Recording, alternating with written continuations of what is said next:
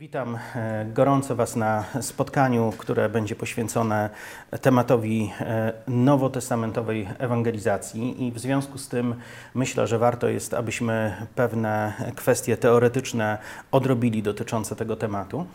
E, dlatego, że nim więcej wiemy, tym łatwiej jest nam w tej dziedzinie się poruszać. E, I e, w odniesieniu do owego tematu, ja myślę, że e, musimy zrobić coś, co często jest pomijane, ale bez tego zrozumienie ewangelizacji w Nowym Testamencie jest niemożliwe. Jezus w rozmowie z Samarytanką powiedział coś, co może dzisiaj w niektórych środowiskach być mało popularne, ale powiedział: Zbawienie pochodzi od Żydów. Ciekawe, nie? E, Jezus mówiąc to, e, miał e, mm, z pewnością na myśli wszystko to, co w Biblii możemy odkryć. Pismo Święte pokazuje, że mm, Bóg zaplanował objawienie się Zbawiciela, objawienie się zbawienia i zaplanował, że to wszystko będzie miało miejsce w kontekście narodu wybranego, jakim jest, e, e, był i będzie Izrael. Więc e, to, co mm, dzieje się, kiedy patrzymy na temat ewangelizacji, to widzimy, że Jezus przyszedł po pierwsze do Żydów i on o tym mówi mówi, że e, niedobrze jest brać chleb e, dzieci i rzucać go e, szczeniętom. To jest fragment rozmowy, która ma miejsce między Jezusem a Syrofenicjanką, która mm, jak e, e, same to, w jaki sposób jest nazywana przez e, ten tekst w Nowym Testamencie, mm, pokazuje, że nie była z narodu żydowskiego. I Jezus mówi o tym, że On przyszedł szukać zgubionych dzieci Izraela. Później w Ewangelii Jana mówi też o tym, że są też inne owce. Ale kiedy patrzymy na Nowy Testament, to widzimy wydarzenia, które mają miejsce w Izraelu. Ewangelie, cztery Ewangelie, e, one opisują nam wydarzenia, które miały miejsce e, w sytuacji, w której e, Chrystus jako Boży Syn objawił się w narodzie wybranym, aby zostały dopełnione pewne rzeczy, które dawno wcześniej zostały zapowiedziane. Apostoł Paweł, kiedy mówi o Ewangelii, którą głosi, mówi e, o tym w taki sposób, że on e, przekazuje to, co przyjął według pism. E, mówiąc o pismach, odwołuje się rzecz jasna do pism Starego Testamentu, wskazując na to, że Chrystus, zgodnie z tym, co zostało zapisane, umarł, został pogrzebany i zmartwychwstał. Mówi o tym, że to wszystko znajdowało się w proroctwach i zapowiedziach Starego Testamentu. Jednym z najbardziej znanych e, tekstów e, w Starym Testamencie, jaki mm, przychodzi nam na myśl, kiedy myślimy o takim odwołaniu się do tych trzech faktów jest to rozdział z Księgi Izajasza, gdzie w 53 rozdziale e, Biblia opisuje to, co będzie działo się z Chrystusem. Wiele osób, e, które mm, e, bardzo pobieżnie znają Biblię, jeśli usłyszą gdzieś odczytywany 53 rozdział Księgi Izajasza, odruchowo są przekonani, że to jest napisane wprost o Jezusie. Nie mylą się. Mimo mimo że zostało to napisane około 700 lat przed y, owymi wydarzeniami, to jednak te proroctwa w bardzo szczegółowy sposób odnoszą się do wydarzeń e, związanych z Chrystusem. E, pismo więc e, pokazuje nam coś bardzo ciekawego. Jezus był oczekiwany, Jezus był zapowiedziany, Jezus y, mm, był przedmiotem wielu proroctw i wielu różnych symboli w Starym Testamencie, y, które mm, wskazywały przez ogromną ilość czasu na to, że w końcu przyjdzie Mesjasz, że w końcu przyjdzie Zbawiciel. Y, dlaczego o tym mówię? Dlaczego uważam, że to jest ważne? Dlatego że tak właśnie zaczęła się ewangelizacja w Izraelu. Pierwsze osoby, które nawracały się w mm, pierwszych e, e, latach istnienia Kościoła, e, to byli Żydzi. Prawdę mówiąc, było tak, że przez blisko 10 lat e, nie nawracał się niemalże nikt poza Żydami, a ci, którzy nie byli Żydami, a nawracali się, to byli ludzie, którzy wcześniej, pochodząc z innych narodów, nawróci, nawrócili się na judaizm i stali się częścią religii judaistycznej. Ale blisko 10 lat od momentu, kiedy Duch Święty stąpił w Jerozolimie w dniu Pięćdziesiątnicy i 120 osób zgromadzonych w wieczorniku zaczęło modlić się innymi językami. Byli to ludzie, którzy e, oczekiwali na e, zesłanie ducha, o czym Jezus powiedział przed swoim w niebo wstąpieniem. E, ci ludzie, kiedy zaczęli głosić Ewangelię, głosili ją e, do Żydów. I jednym z bardzo poważnych argumentów, które posiadali w e, swoim przesłaniu, to było stwierdzenie: proroctwa się wypełniły. To, co było zapowiedziane, się stało. E, to, na co oczekiwaliśmy, to się wypełniło. W Izraelu nigdy nie było tak silnych oczekiwań mesjańskich, jak na jakieś 100 lat przed objawieniem się Chrystusa i blisko 100 lat po objawieniu się Jego. Myślę, że to był okres, w którym jednym z e, najpoważniejszych tematów, jaki był rozważany przez religijnych Żydów to e, jak objawi się Mesjasz, kim on będzie. Mieli swoje wyobrażenia na jego temat i w związku z tym, że mieli swoje wyobrażenia e, na jego temat, toczyły się różne zażarte dyskusje, powstawały różnego rodzaju też pisma i koncepcje dotyczące tego, jakim będzie Mesjasz, kiedy się objawi. I wszyscy oni odwoływali się w jakiś sposób do tego, co zostało zapowiedziane e, w Starym Testamencie. I e, myślę, że niektóre proroctwa mm, e, Starego Testamentu były dosyć mocno wprost przypisywane temu, że opisują one przyjście Mesjasza. Myślę, że takie fragmenty przede wszystkim żydowscy komentatorzy znajdowali w księdze Zachariasza, która dosyć dużo na ten temat mówi. E, na pewno znajdowali ciekawe e, odniesienia do tego w księdze Ezachiela czy sugestie z księgi Daniela, ale oczekujący na Mesjasza mieli dosyć spory materiał do przemyśleń.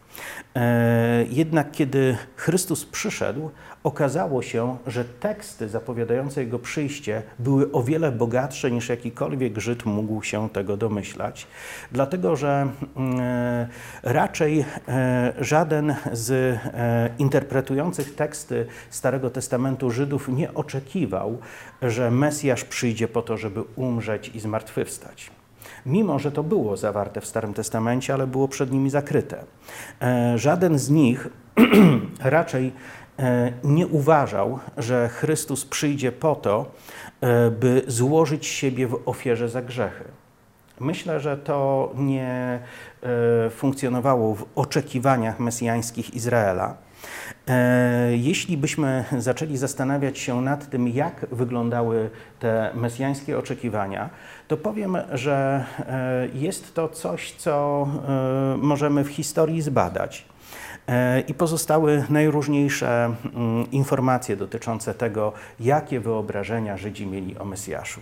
Dla nich Mesjasz to musiał być polityczny król Izraela. To musiał być ktoś, kto objawi się po to, by zająć tron w Izraelu.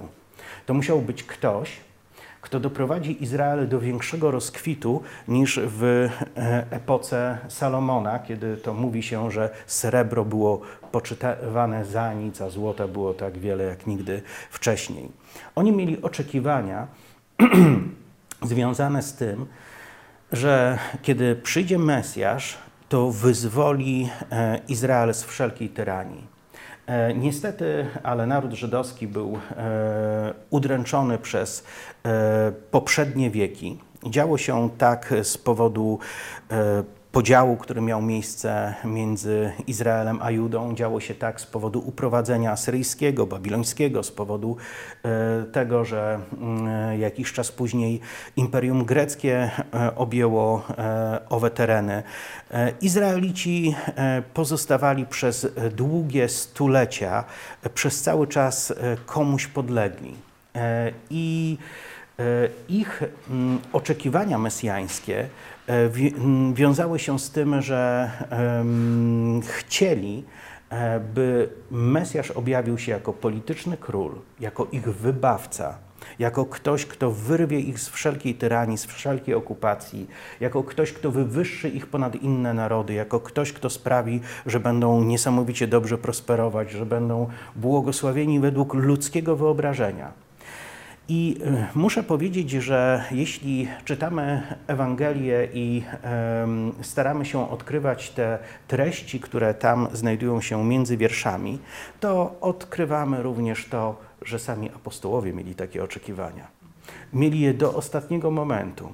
Nawet śmierć i zmartwychwstanie Chrystusa nie zmieniły tego, dlatego że w pierwszym rozdziale dziejów apostolskich czytamy, jak apostołowie zadają ważne dla siebie pytanie e, na Górze Oliwnej, chwilę przed tym, zanim Chrystus wstąpi do nieba, oni mają najważniejsze pytanie do Niego. Mówią, Panie, Panie, Panie, czy to jest ten czas, w którym odbudujesz Królestwo Izraela? To było to, co oni nosili do ostatniego momentu. A Jezus mówi, nie wasza to rzecz. Znać czasy i pory, które Ojciec w mocy swojej ustanowił.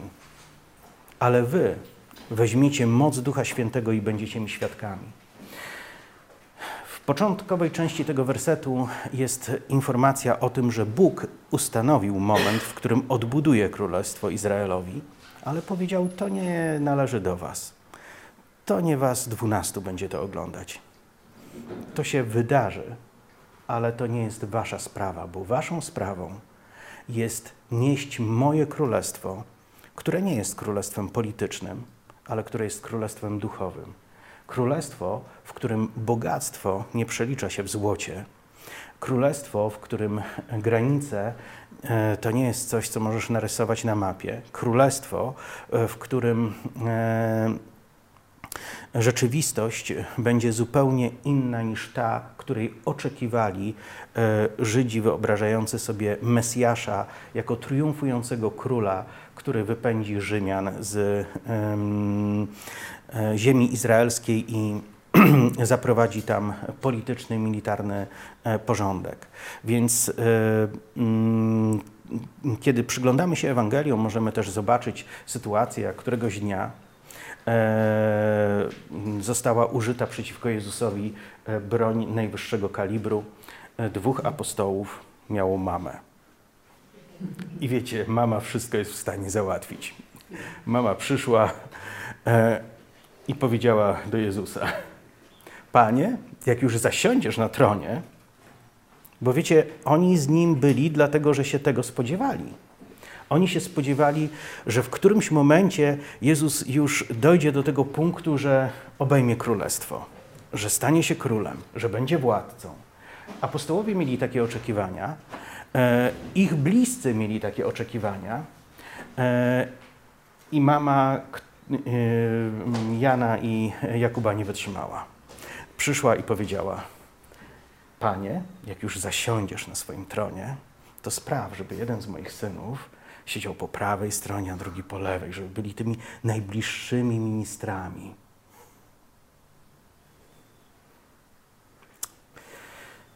Myślę, że niektórzy ludzie byli rozczarowani tym, że Jezus nie przyszedł z tego powodu. Być może e, problem, który narastał w sercu Judasza, był związany właśnie z tym, że Jezus nie prowadził ich do tego, by stali się bogatymi dygnitarzami odradzającego się państwa Izrael. Myślę, że to mogło bardzo go zaboleć. Myślę, że mógł poczuć, że zmarnował e, kilka lat swego życia, chodząc za nauczycielem, e, który mm, w zasadzie zajmuje się bzdurami. Chodzi, czyni dobrze, Uzdrawia, pociesza, uwalnia. Myślę, że to dla niego było za, za mało, ale nie będziemy tu robić psychoanalizy dla Judasza.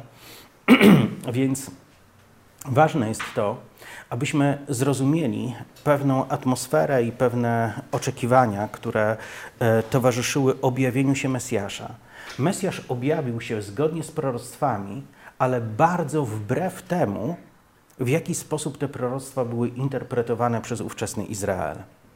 Biblia mówi o tym, że były momenty, w których Jezus musiał chować się, dlatego że chciano go porwać i obwołać królem. Myślę, że niektórzy chcieli przyspieszyć moment, kiedy Jezus wezwie do rewolucji przeciwko Rzymianom, byli przekonani, że to jest jego celem, ale to nigdy nie było jego celem. E, więc e, istniały różne wyobrażenia na temat tego, e, co Mesjasz przyniesie. Ale kiedy Mesjasz się objawił, kiedy Jezus przyszedł, okazało się, że wiele z aspektów prawdy objawionych w Bożym Słowie, znanych już wcześniej, nie zostało zrozumianych. W Starym Testamencie, mm, poza E, proroctwami e, posiadamy również pewnego rodzaju symboliczne zapowiedzi celu przyjścia Chrystusa. E, owe symboliczne zapowiedzi znajdują się w mm, wielu ceremoniach, obrzędach i ofiarach świątynnych. Kiedy człowiek wykazuje się analitycznym umysłem i zaczyna je wszystkie obserwować i analizować, okazuje się, że one wprost opowiadały o Chrystusie. E, Jan, e, Jan Chrzciciel, kiedy widzi Jezusa, odwołuje się do tych starotestamentowych e, obrzędów i mówi: Oto baranek Boży, który gładzi grzechy świata. Biblia mówi o tym, że Izraelici składali wiele ofiar, które miały zgładzić ich grzechy. E, nieraz zdarzało się, że kiedy e, Izraelita zgrzeszył indywidualnie, a tak się zdarza ludziom, że indywidualnie grzeszyć też potrafią, nie tylko ogólnonarodowo, było specjalne święto, w trakcie którego składano ofiarę za naród, ale bywały też sytuacje, w których indywidualny człowiek przychodził przed oblicze Boga do świątyni, prowadząc ze sobą baranka jako ofiarę za grzeszną. E, Izraelici wiedzieli, że jeśli zgrzeszyli, to potrzebują, by dokonała się pomsta za ich grzech e, w mm, taki sposób, że ofiara wchodzi w ich miejsce. Więc e, Izraelita grzeszył, ale ofiara była ponoszona przez baranka. Więc oni rozumieli tą koncepcję, że ktoś za ciebie może cierpieć z powodu Twoich e, win, że ktoś może spłacić Twój dług, że gniew, który należał się Tobie, może spaść na kogoś innego. I to wszystko zostało zapisane w obrzędach e, starotestamentowych w świątyni. Myślę, że żaden z Izraelitów nie wiązał tego z oczekiwaniami mesjańskimi. Dla nich to były po prostu obrzędy, które należało w posłuszeństwie Bogu e, wypełniać. E, jednak kiedy Jezus przyszedł, On wszedł w te miejsce, stając się doskonałą ofiarą, która raz na zawsze została złożona i która nigdy nie będzie musiała być powtarzana. Nieznany autor listu do Hebrajczyków, zwany apostołem Pawłem, e, pisze o tym, e, mówiąc, że gdyby tamte ofiary mogły przynieść e, rozwiązanie problemu grzechu, nie trzeba by było ich składać co roku, podczas gdy Chrystus wziął na siebie ofiarę raz na zawsze i jest skuteczna. Myślę, że wielkim bluźnierstwem byłoby to, gdyby ktokolwiek powiedział, że w jakikolwiek sposób może dołożyć coś do tej ofiary albo zrobić cokolwiek, by tą ofiarę utrzymać w mocy, dlatego że Pismo Święte mówi coś zupełnie innego. Krew Chrystusa przelana raz na zawsze rozwiązuje kwestię grzechu w życiu człowieka, który zechce z Bogiem pojednać się poprzez przyjęcie mocy tej krwi do swojego życia. Więc e, Jezus e, przychodzi i Jezus dopełnia tego, e, co zostało o nim napisane w księgach Starego Testamentu. Jezus przynosi nam nowe przymierze. Przymierze, które nie jest zawierane poprzez krew wołów, kozłów i owiec, czy kogokolwiek, czy jakiegokolwiek innego zwierzęcia, ale Jezus przynosi nam przymierze, które jest możliwe dzięki przelaniu Jego krwi. I to, co się dzieje, E, to w e, sytuacji owego przymierza następuje pewna ciekawa różnica. Dlatego, że e, w przypadku Starego Przymierza było to przymierze, które przyszło z woli Boga, nie przyszło one z woli człowieka. Nikt nie prosił o to, by to się stało. W przypadku Nowego Przymierza również. Ale Bóg zdecydował, że owe przymierze będzie dotyczyło całego narodu. I e, cały naród e, żydowski został objęty prawami owego przymierza. Podczas gdy w Nowym Testamencie widzimy, że przymierze, które e, jest zawarte między Bogiem a człowiekiem poprzez ofiarę Chrystusa, e, może dotyczyć każdego człowieka, ludzi z całego świata, nie tylko z jednego narodu, ale byśmy mogli skorzystać z tego przymierza, musimy w indywidualny sposób je przyjąć i w indywidualny sposób zgodzić się z Bogiem, że stajemy się częścią e, tego, co On e, zaplanował. Więc e, Nowy Testament pokazuje nam, że część Żydów nawróciła się, ale pokazuje nam również, że bardzo duża część Żydów zdecydowanie odrzuciła Jezusa jako Mesjasza.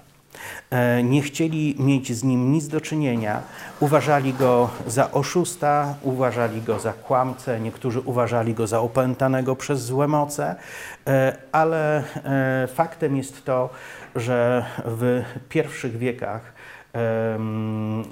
nastąpił duży rozdział między nawróconymi na chrześcijaństwo Żydami, a tymi, którzy chrześcijaństwa nie przyjęli. I ten rozdział zaczął się radykalizować e, coraz mocniej w późniejszych wiekach. E, ale kiedy zastanawiamy się nad kwestią tego, w jaki sposób były podejmowane pierwsze działania ewangelizacyjne, w Nowym Testamencie, to musimy przyjąć te fakty, że pierwsze działania ewangelizacyjne były czymś, co dotyczyło narodu żydowskiego. Pierwsi nawracający się ludzie to byli Żydzi, tudzież e, poganie nawróceni na judaizm. Przez 10 lat nikomu nie przyszło do głowy, że ktoś, kto nie jest Żydem albo przynajmniej prozelitą, mógłby przyjąć Jezusa jako Mesjasza.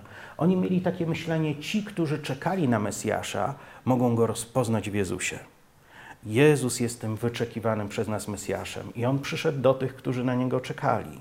Mesjasz przyszedł w końcu do e, tychże osób. Jednak dzieje się coś e, niezwykłego w dziesiątym rozdziale e, dziejów apostolskich. Blisko 10 lat, e, około 10 lat od momentu, kiedy Jezus zmartwychwstał i zaczął się czas Kościoła, dzieje się coś niezwykłego Piotr znajduje się w Jafie. E, Duch Święty do niego przemawia w szczególny sposób. E, otrzymuje on wizję. W trakcie tej wizji mm, spuszczone z nieba jest e, mm, spuszczona z nieba jest wielka płachta, na której znajdują się stworzenia czyste i nieczyste, a Bóg przemawia zabijaj i jedz. To budzi sprzeciw w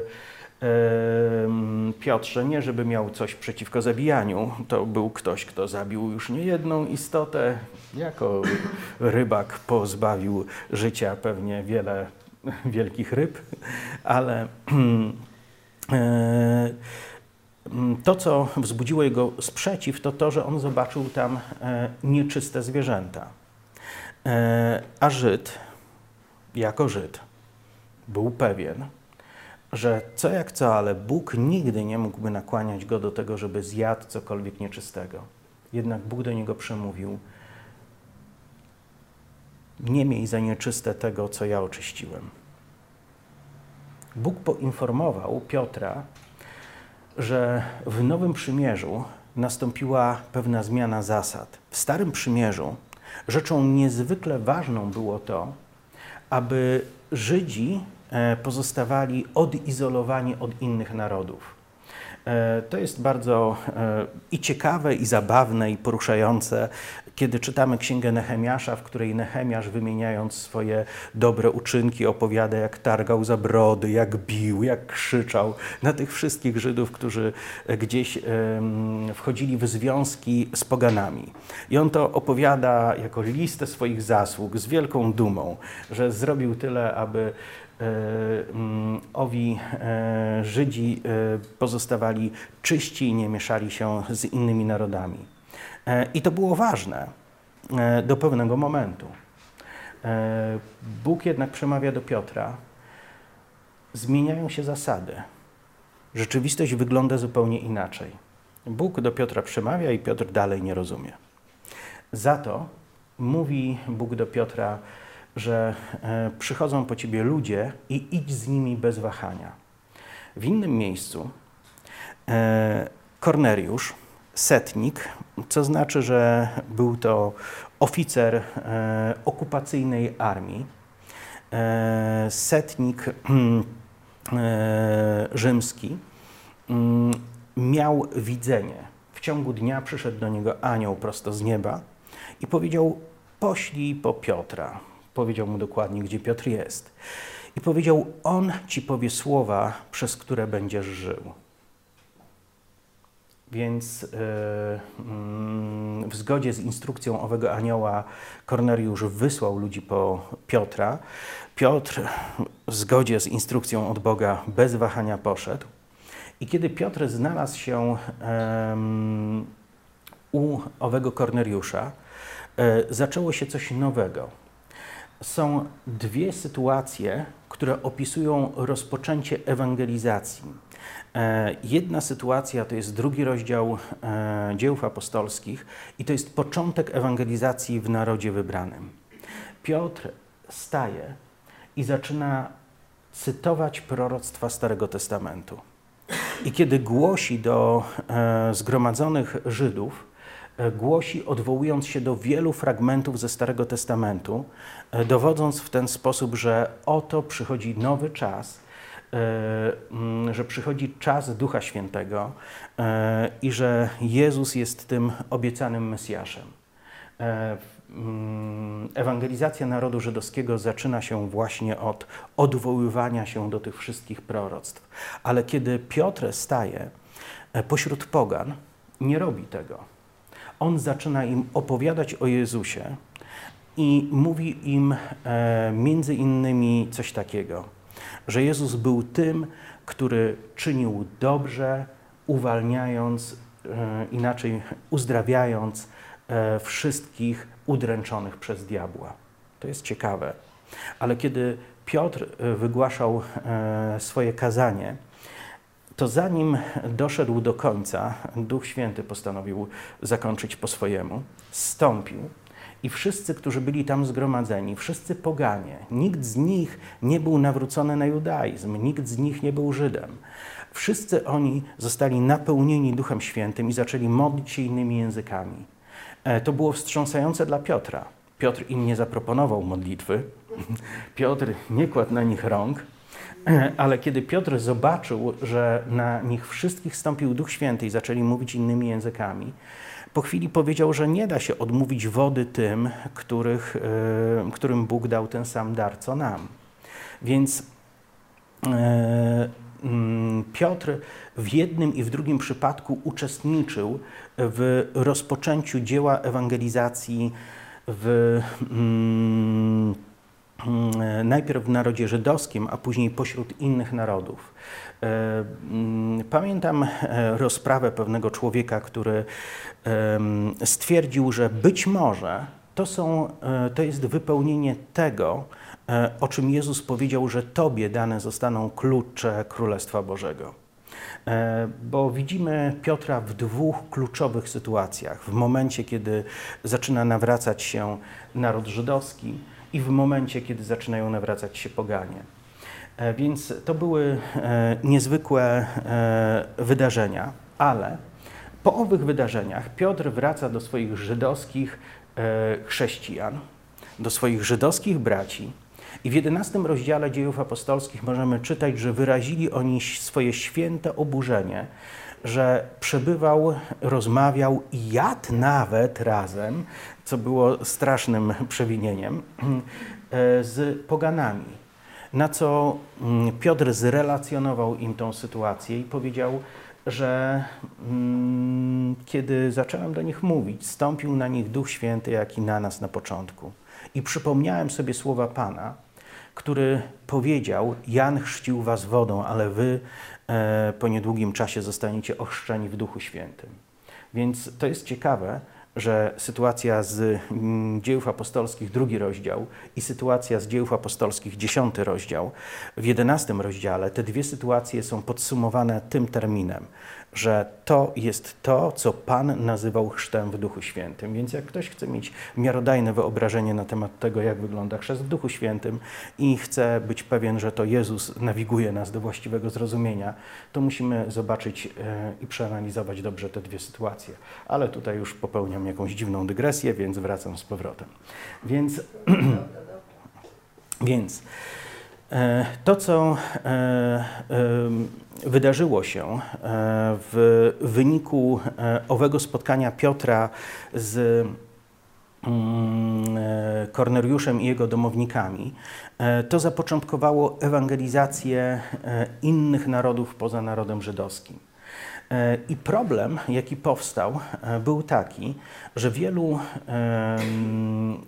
chrześcijan żydowskich myślało sobie, no przecież oni są poganami, nie przestrzegają naszych przykazań, zwyczajów, świąt, obrzędów, nie ubierają się tak fajnie jak my. W ogóle wszystko mają zupełnie na odwrót jak my i jedzą też co innego. I to w ogóle powodowało e, w niektórych wierzących Żydach e, pasję w tym kierunku, by zacząć ich nawracać na coś więcej niż tylko Chrystusa. Więc y, były specjalne zorganizowane grupy, które proponowały y, w duchu chrześcijańskiej miłości usługę obrzezania, tudzież jakieś inne rzeczy, które by czyniły e, owych mm, e, pogan e, bardziej żydowskimi, bo założenie było takie, że musisz stać się bardziej żydowski, jeśli chcesz wierzyć w naszego Mesjasza. E, I trwało to przez jakiś czas. Myślę też, że bardzo duża część listu do mm, Rzymian, jak również e, prawie cały list do Galacjan, zostały napisane przez apostoła Pawła w związku z tego typu problemami. W 15 rozdziale dziejów apostolskich y, y, mamy do czynienia z zjazdem wielu chrześcijan, wielu liderów duchowych, którzy musieli rozstrzygnąć sprawę tego, w jaki sposób mamy traktować nawracających się pogan. Na szczęście zostało to we właściwy sposób uregulowane wtedy.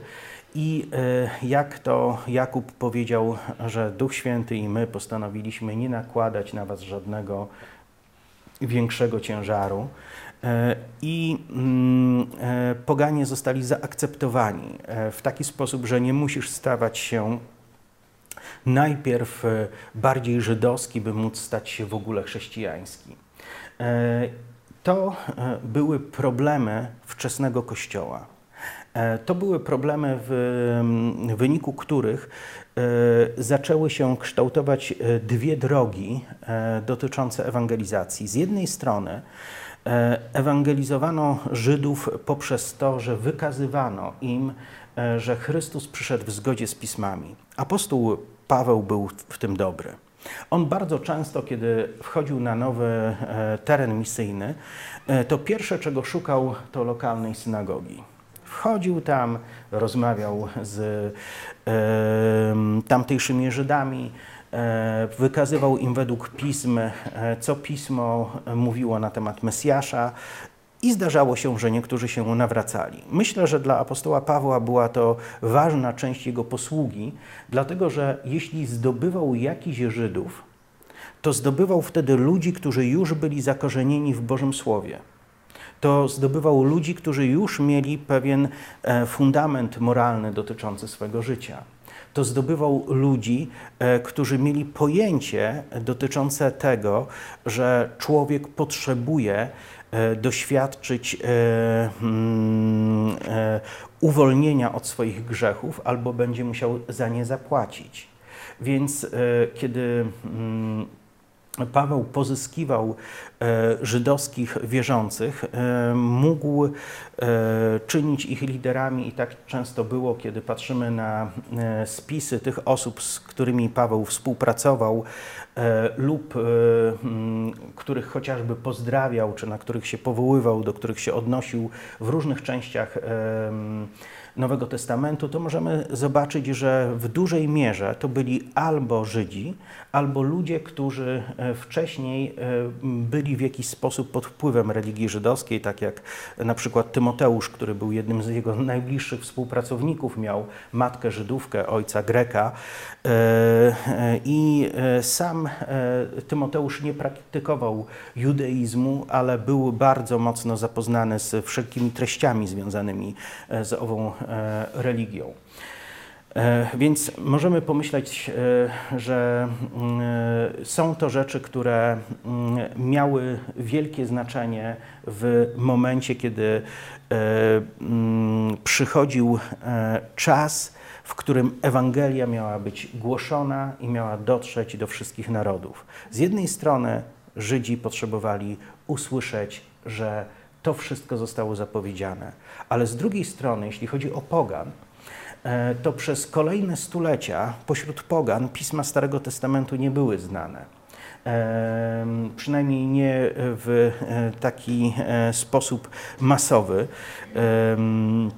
Więc Ewangelia była głoszona nieco inaczej.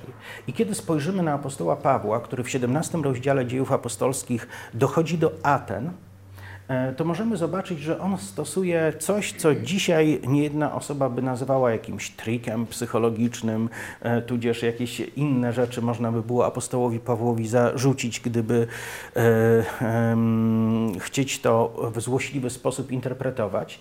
Ale apostoł Paweł wiedząc, że mówienie do e, Greków, że mm, Chrystus przyszedł w zgodzie z proroctwami, mogłoby o wiele bardziej skomplikować niż ułatwić przekazywanie tego, dlatego że oni żyli w kulturze nieustających proroctw. Tam wiele naćpanych e, towarzyszy wygłaszało różnego rodzaju proroctwa, więc gdyby e, odwoływać się do proroctw, to dla nich byłoby to odwoływanie się do czegoś, co oni znali ze swojej kultury, czyli do różnych naćpanych e, ludzi e, świadczących usługi wróżbiarskie pod wpływem e, narkotyków. Więc mm, Paweł do tego się nie odnosi, tylko mówi mm, coś innego. Mówi, że patrzyłem na wasze ołtarze i znalazłem pośród nich ołtarz poświęcony nieznanemu Bogu to właśnie o nim chcę Wam mówić. I ten nieznany Bóg jest inny niż Wasi bogowie. Bo ten nieznany Bóg, o którym chcę mówić, jest Bogiem, który stworzył wszystko. On stworzył niebo i ziemię. Wiecie, wszyscy bogowie tamtej epoki, greccy czy rzymscy, którzy mieszali się ze sobą, niektórzy nawet y, mieli problem z tym, jak się nazywają. Możliwe, że to skutek imprez na Olimpie. Ale e, to, co e, działo się w odniesieniu do tych, że e, greckich i rzymskich bogów, to to, że wszyscy oni byli niesamowicie ograniczeni, bardzo mali, odnoszący się tylko do jakiegoś wyrywku rzeczywistości. Podczas gdy Paweł mówi o Bogu, który jest ponad wszystkim, E, kiedy zaczął mówić o Jezusie, kiedy zaczął mówić o zmartwychwstaniu, to zazgrzytało tym ludziom. Większość słuchających odrzuciła to jako jakąś formę baśni, ale byli ludzie, którzy nawrócili się e, i stali się początkiem e, Kościoła w trakcie tego spotkania. E, w każdej z grup, do której docierała Ewangelia po raz pierwszy, została ona inaczej zaprezentowana i to możemy zobaczyć w dziejach apostolskich w Nowym Testamencie. Może to umknąć naszej uwadze, ale możemy też uznać, że było to coś bardzo celowego Żyd potrzebuje wiedzieć, że to jest w zgodzie z pismami. Poganin potrzebuje e, zobaczyć niezwykłość Chrystusa. Potrzebuje zobaczyć Jego wyjątkowość. E, potrzebuje zobaczyć coś, co jest e, mm, dowodem na to, e, że e, przynosi On poselstwo z zaświatów, prosto z nieba i że jest to poselstwo, nad którym powinniśmy się zatrzymać. Dzisiaj my żyjemy w nieco innej rzeczywistości. E, myślę, że inaczej głosi się Ewangelię w Afryce e, ludziom, którzy pierwszy raz w życiu słyszą imię Jezus w momencie, gdy znajdują się na spotkaniu ewangelizacyjnym albo spotykają bezpośrednio chrześcijanina. Trzeba im zaprezentować Ewangelię inaczej. A inaczej e, Ewangelia prezentuje się dla ludzi, którzy wychowali się w chrześcijańskiej kulturze, nie rozumiejąc w ogóle e, chrześcijańskiej e, tego, co jest sednem chrześcijaństwa, nie rozumiejąc istoty zbawienia, która, które zostało nam dane przez Chrystusa. Kiedy stykamy się z innymi kulturami, E, kiedy stykamy się z ludźmi e, pochodzącymi z różnych e, mm, zakątków świata, musimy rozszyfrować, w jaki sposób można do nich dotrzeć z naszym poselstwem. Dawno temu czytałem książkę mm, Dziecko pokoju. Czy ktoś miał okazję ją przeczytać? Okej. Okay. W Dziecku pokoju jest opisana historia, która miała miejsce e, w Nowej Gwinei. E, tam w drugiej połowie XX wieku przez cały czas e, było bardzo dużo plemion, które były ludożercami. Jest takie hasło angielskie. Kiedyś, nie wiem, w XIX, XVIII wieku ktoś wymyślił to hasło. Brzmiało ono bardzo przewrotnie. Ludożercy potrzebują misjonarzy. Jeśli ktoś decydował się coś z tym zrobić, wiedział, że to jest miecz, który ma ostrza z obu stron. Więc e, pewni ludzie wybrali się tam do Nowej Gwinei, chcą zgłosić Ewangelię. Kulturze e, plemion, z którymi się zetknęli, z jednym z największych powodów do chluby, do dumy, jaką mógł mieć człowiek, to to, kiedy doprowadził kogoś do sytuacji, w której ta druga osoba myślała, że jesteś życzliwie nastawiony do niej i traktowała cię jak przyjaciel, a ty tą osobę zabijasz i zjadasz. To był największy powód do dumy. Oni później przez kolejne lata opowiadali, jak oszukali tą osobę, i to było czymś, czym oni się ekscytowali. Bycie doskonałym zdrajcą, doskonałym łowczym, który potrafił e, kogoś przyciągnąć do siebie, a później go zabić i zjeść. To naprawdę było coś pośród nich.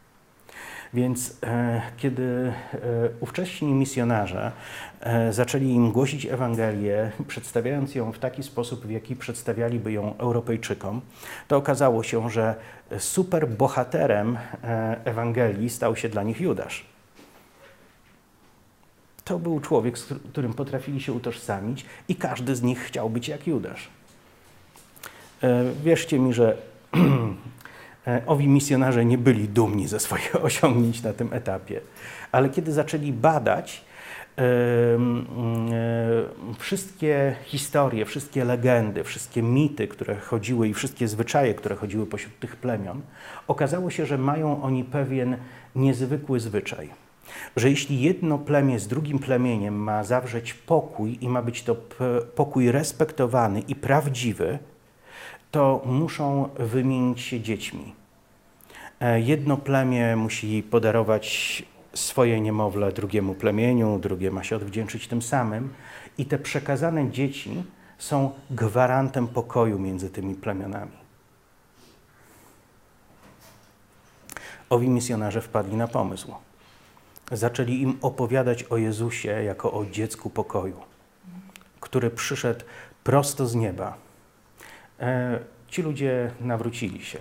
Tam nastąpiło dosyć duże przebudzenie, dlatego że ktoś odnalazł sposób, w jaki może przemówić do tych ludzi. I to, co nam Nowy Testament sugeruje, poprzez e, różnego rodzaju spotkania e, ludów e, ówczesnych z Ewangelią, to to, że podstawową rzeczą, której musimy się nauczyć w każdym miejscu i w każdym czasie, to to, według jakich kodów ludzie rozumieją treści, które im przekazujemy. E, ja rozumiem, że e, dbający o poprawność mm, teolog mógłby usiąść, e, zrobić sobie listę mm, e, e, rzeczy, które muszą zostać zaprezentowane, omówić wszystkie aspekty zastępczej ofiary Chrystusa, zdefiniować, czym jest odkupienie, zdefiniować wszystkie rzeczy, które wynikają z Biblii i mógłby oczekiwać, że każda osoba, która chce głosić Ewangelię, musi to właśnie w taki sposób przekazywać wszystkim ludom na całym świecie. Tylko problem polega na tym, że to jest coś, co rozumieją chrześcijanie. Podczas gdy, jeśli chrześcijanie chcą, by inni ludzie stawali się chrześcijanami, to my musimy ich zrozumieć i powiedzieć im Ewangelię w ich języku. Powiedzieć im ją w taki sposób, aby mogli e, uznać e, Jezusa jako swojego Zbawiciela. Więc e, to jest jedna z podstawowych rzeczy, którą musimy zrozumieć, chcąc nieść Ewangelię innym ludziom. Wiele lat temu, kiedy byłem jeszcze młodym, pięknym, szczupłym człowiekiem, E, przyszło e, do mnie coś takiego. E, Duch Święty pokazywał mi, że powinienem docierać do tych środowisk, w których wcześniej jako niewierzący człowiek bywałem. Sporo czasu spędziłem jako młoda osoba na różnego rodzaju koncertach, imprezach subkulturalnych. Żyłem pankrokiem i tak dalej. Więc Któregoś dnia e, Bóg mnie zainspirował do tego, żebym napisał krótką ulotkę. W zasadzie czułem się tak, jakbym, e, jakby mi on ją dyktował. E, mimo, że wszystkie te sytuacje, które w tej ulotce znajdowały się, odnosiły się do czegoś z mojego życia, to jednak zostało to tak zgrabnie poukładane, że trudno mi przypisywać sobie autorstwo tej ulotki. Napisałem krótką ulotkę pod tytułem Super Promocja. Mm, w owej ulotce opisałem pewne wydarzenie. Któregoś dnia siedziałem na rogu ulicy, czekałem na koncert kapeli, którą lubiłem. E, podeszło do mnie dwóch turystów, zagadnęli mnie i spytali, czy mogą u mnie coś kupić. Wzięli mnie za dealera. Ja postanowiłem to wykorzystać. Powiedziałem, że spoko, podzielę się z nimi nawet za darmo swoim najlepszym towarem, ale najpierw muszą mnie przez chwilę posłuchać. Więc zaintrygowani zastanawiali się, co to jest. Jeden z nich zapytał mnie, czy to mm, e, feta, czy coś innego. E, ja w każdym razie nie zdradzałem, e, co mam im do zaoferowania, ale zacząłem im opowiadać, e, jak to było z narkotykami w moim życiu, jak omal mnie nie zabiły. Więc e, oni rozumieli, że mówię do nich w temacie. E, I zrozumieli, że chcemy ich przestrzec przed ewentualnymi skutkami ubocznymi tego rodzaju zabawy. Więc myśleli, że mają do czynienia z uczciwym dealerem. E, powiedziałem im, że e, moje życie tak e, mm, źle wyglądało z powodu ćpania, że naprawdę byłem bardzo blisko śmierci. Więc któryś z nich zapytał, no ale jak udało ci się wyjść? Mówię, no wiesz, dostałem któregoś dnia taką książkę, normalnie coś więcej niż magia. Stary, to co tam przeczytałem uzdrowiło mnie kompletnie, momentalnie. Zacząłem o tym opowiadać. Byli pełni e, zaskoczenia. Co to za książka? Ja mówię, oj, to jest mój najlepszy towar. Miałem gedeonitki w plecaku i je dałem. Później jeden z nich modlił się ze mną, oddał życie Chrystusowi. Ale e, opisałem to wszystko w tej ulotce i ta ulotka miała e, tytuł Super promocja i liść trawy. Ilekroć pojawiałem się na festiwalach rockowych, reggae czy innych i miałem tą ulotkę, ludzie wyrywali mi ją z rąk, krzyczeli, e, ty ziom, zostaw tylko dla mnie jedną. Wszyscy byli przekonani, że to jakaś akcja na rzecz legalizacji trawy, podczas gdy były to e, rzeczy związane z tym, co ja chciałem im przekazać. Przemówiłem do tych ludzi w języku, który oni mogli przyjąć. Wielokrotnie zdarzało się, że spotykałem się z ludźmi, którzy nawrócili się dzięki tej ulotce.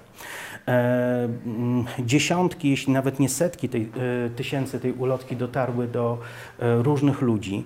Ja osobiście przynajmniej kilkadziesiąt tysięcy tej ulotki rozdałem na Woodstocku, na różnych, najróżniejszych festiwalach w Polsce.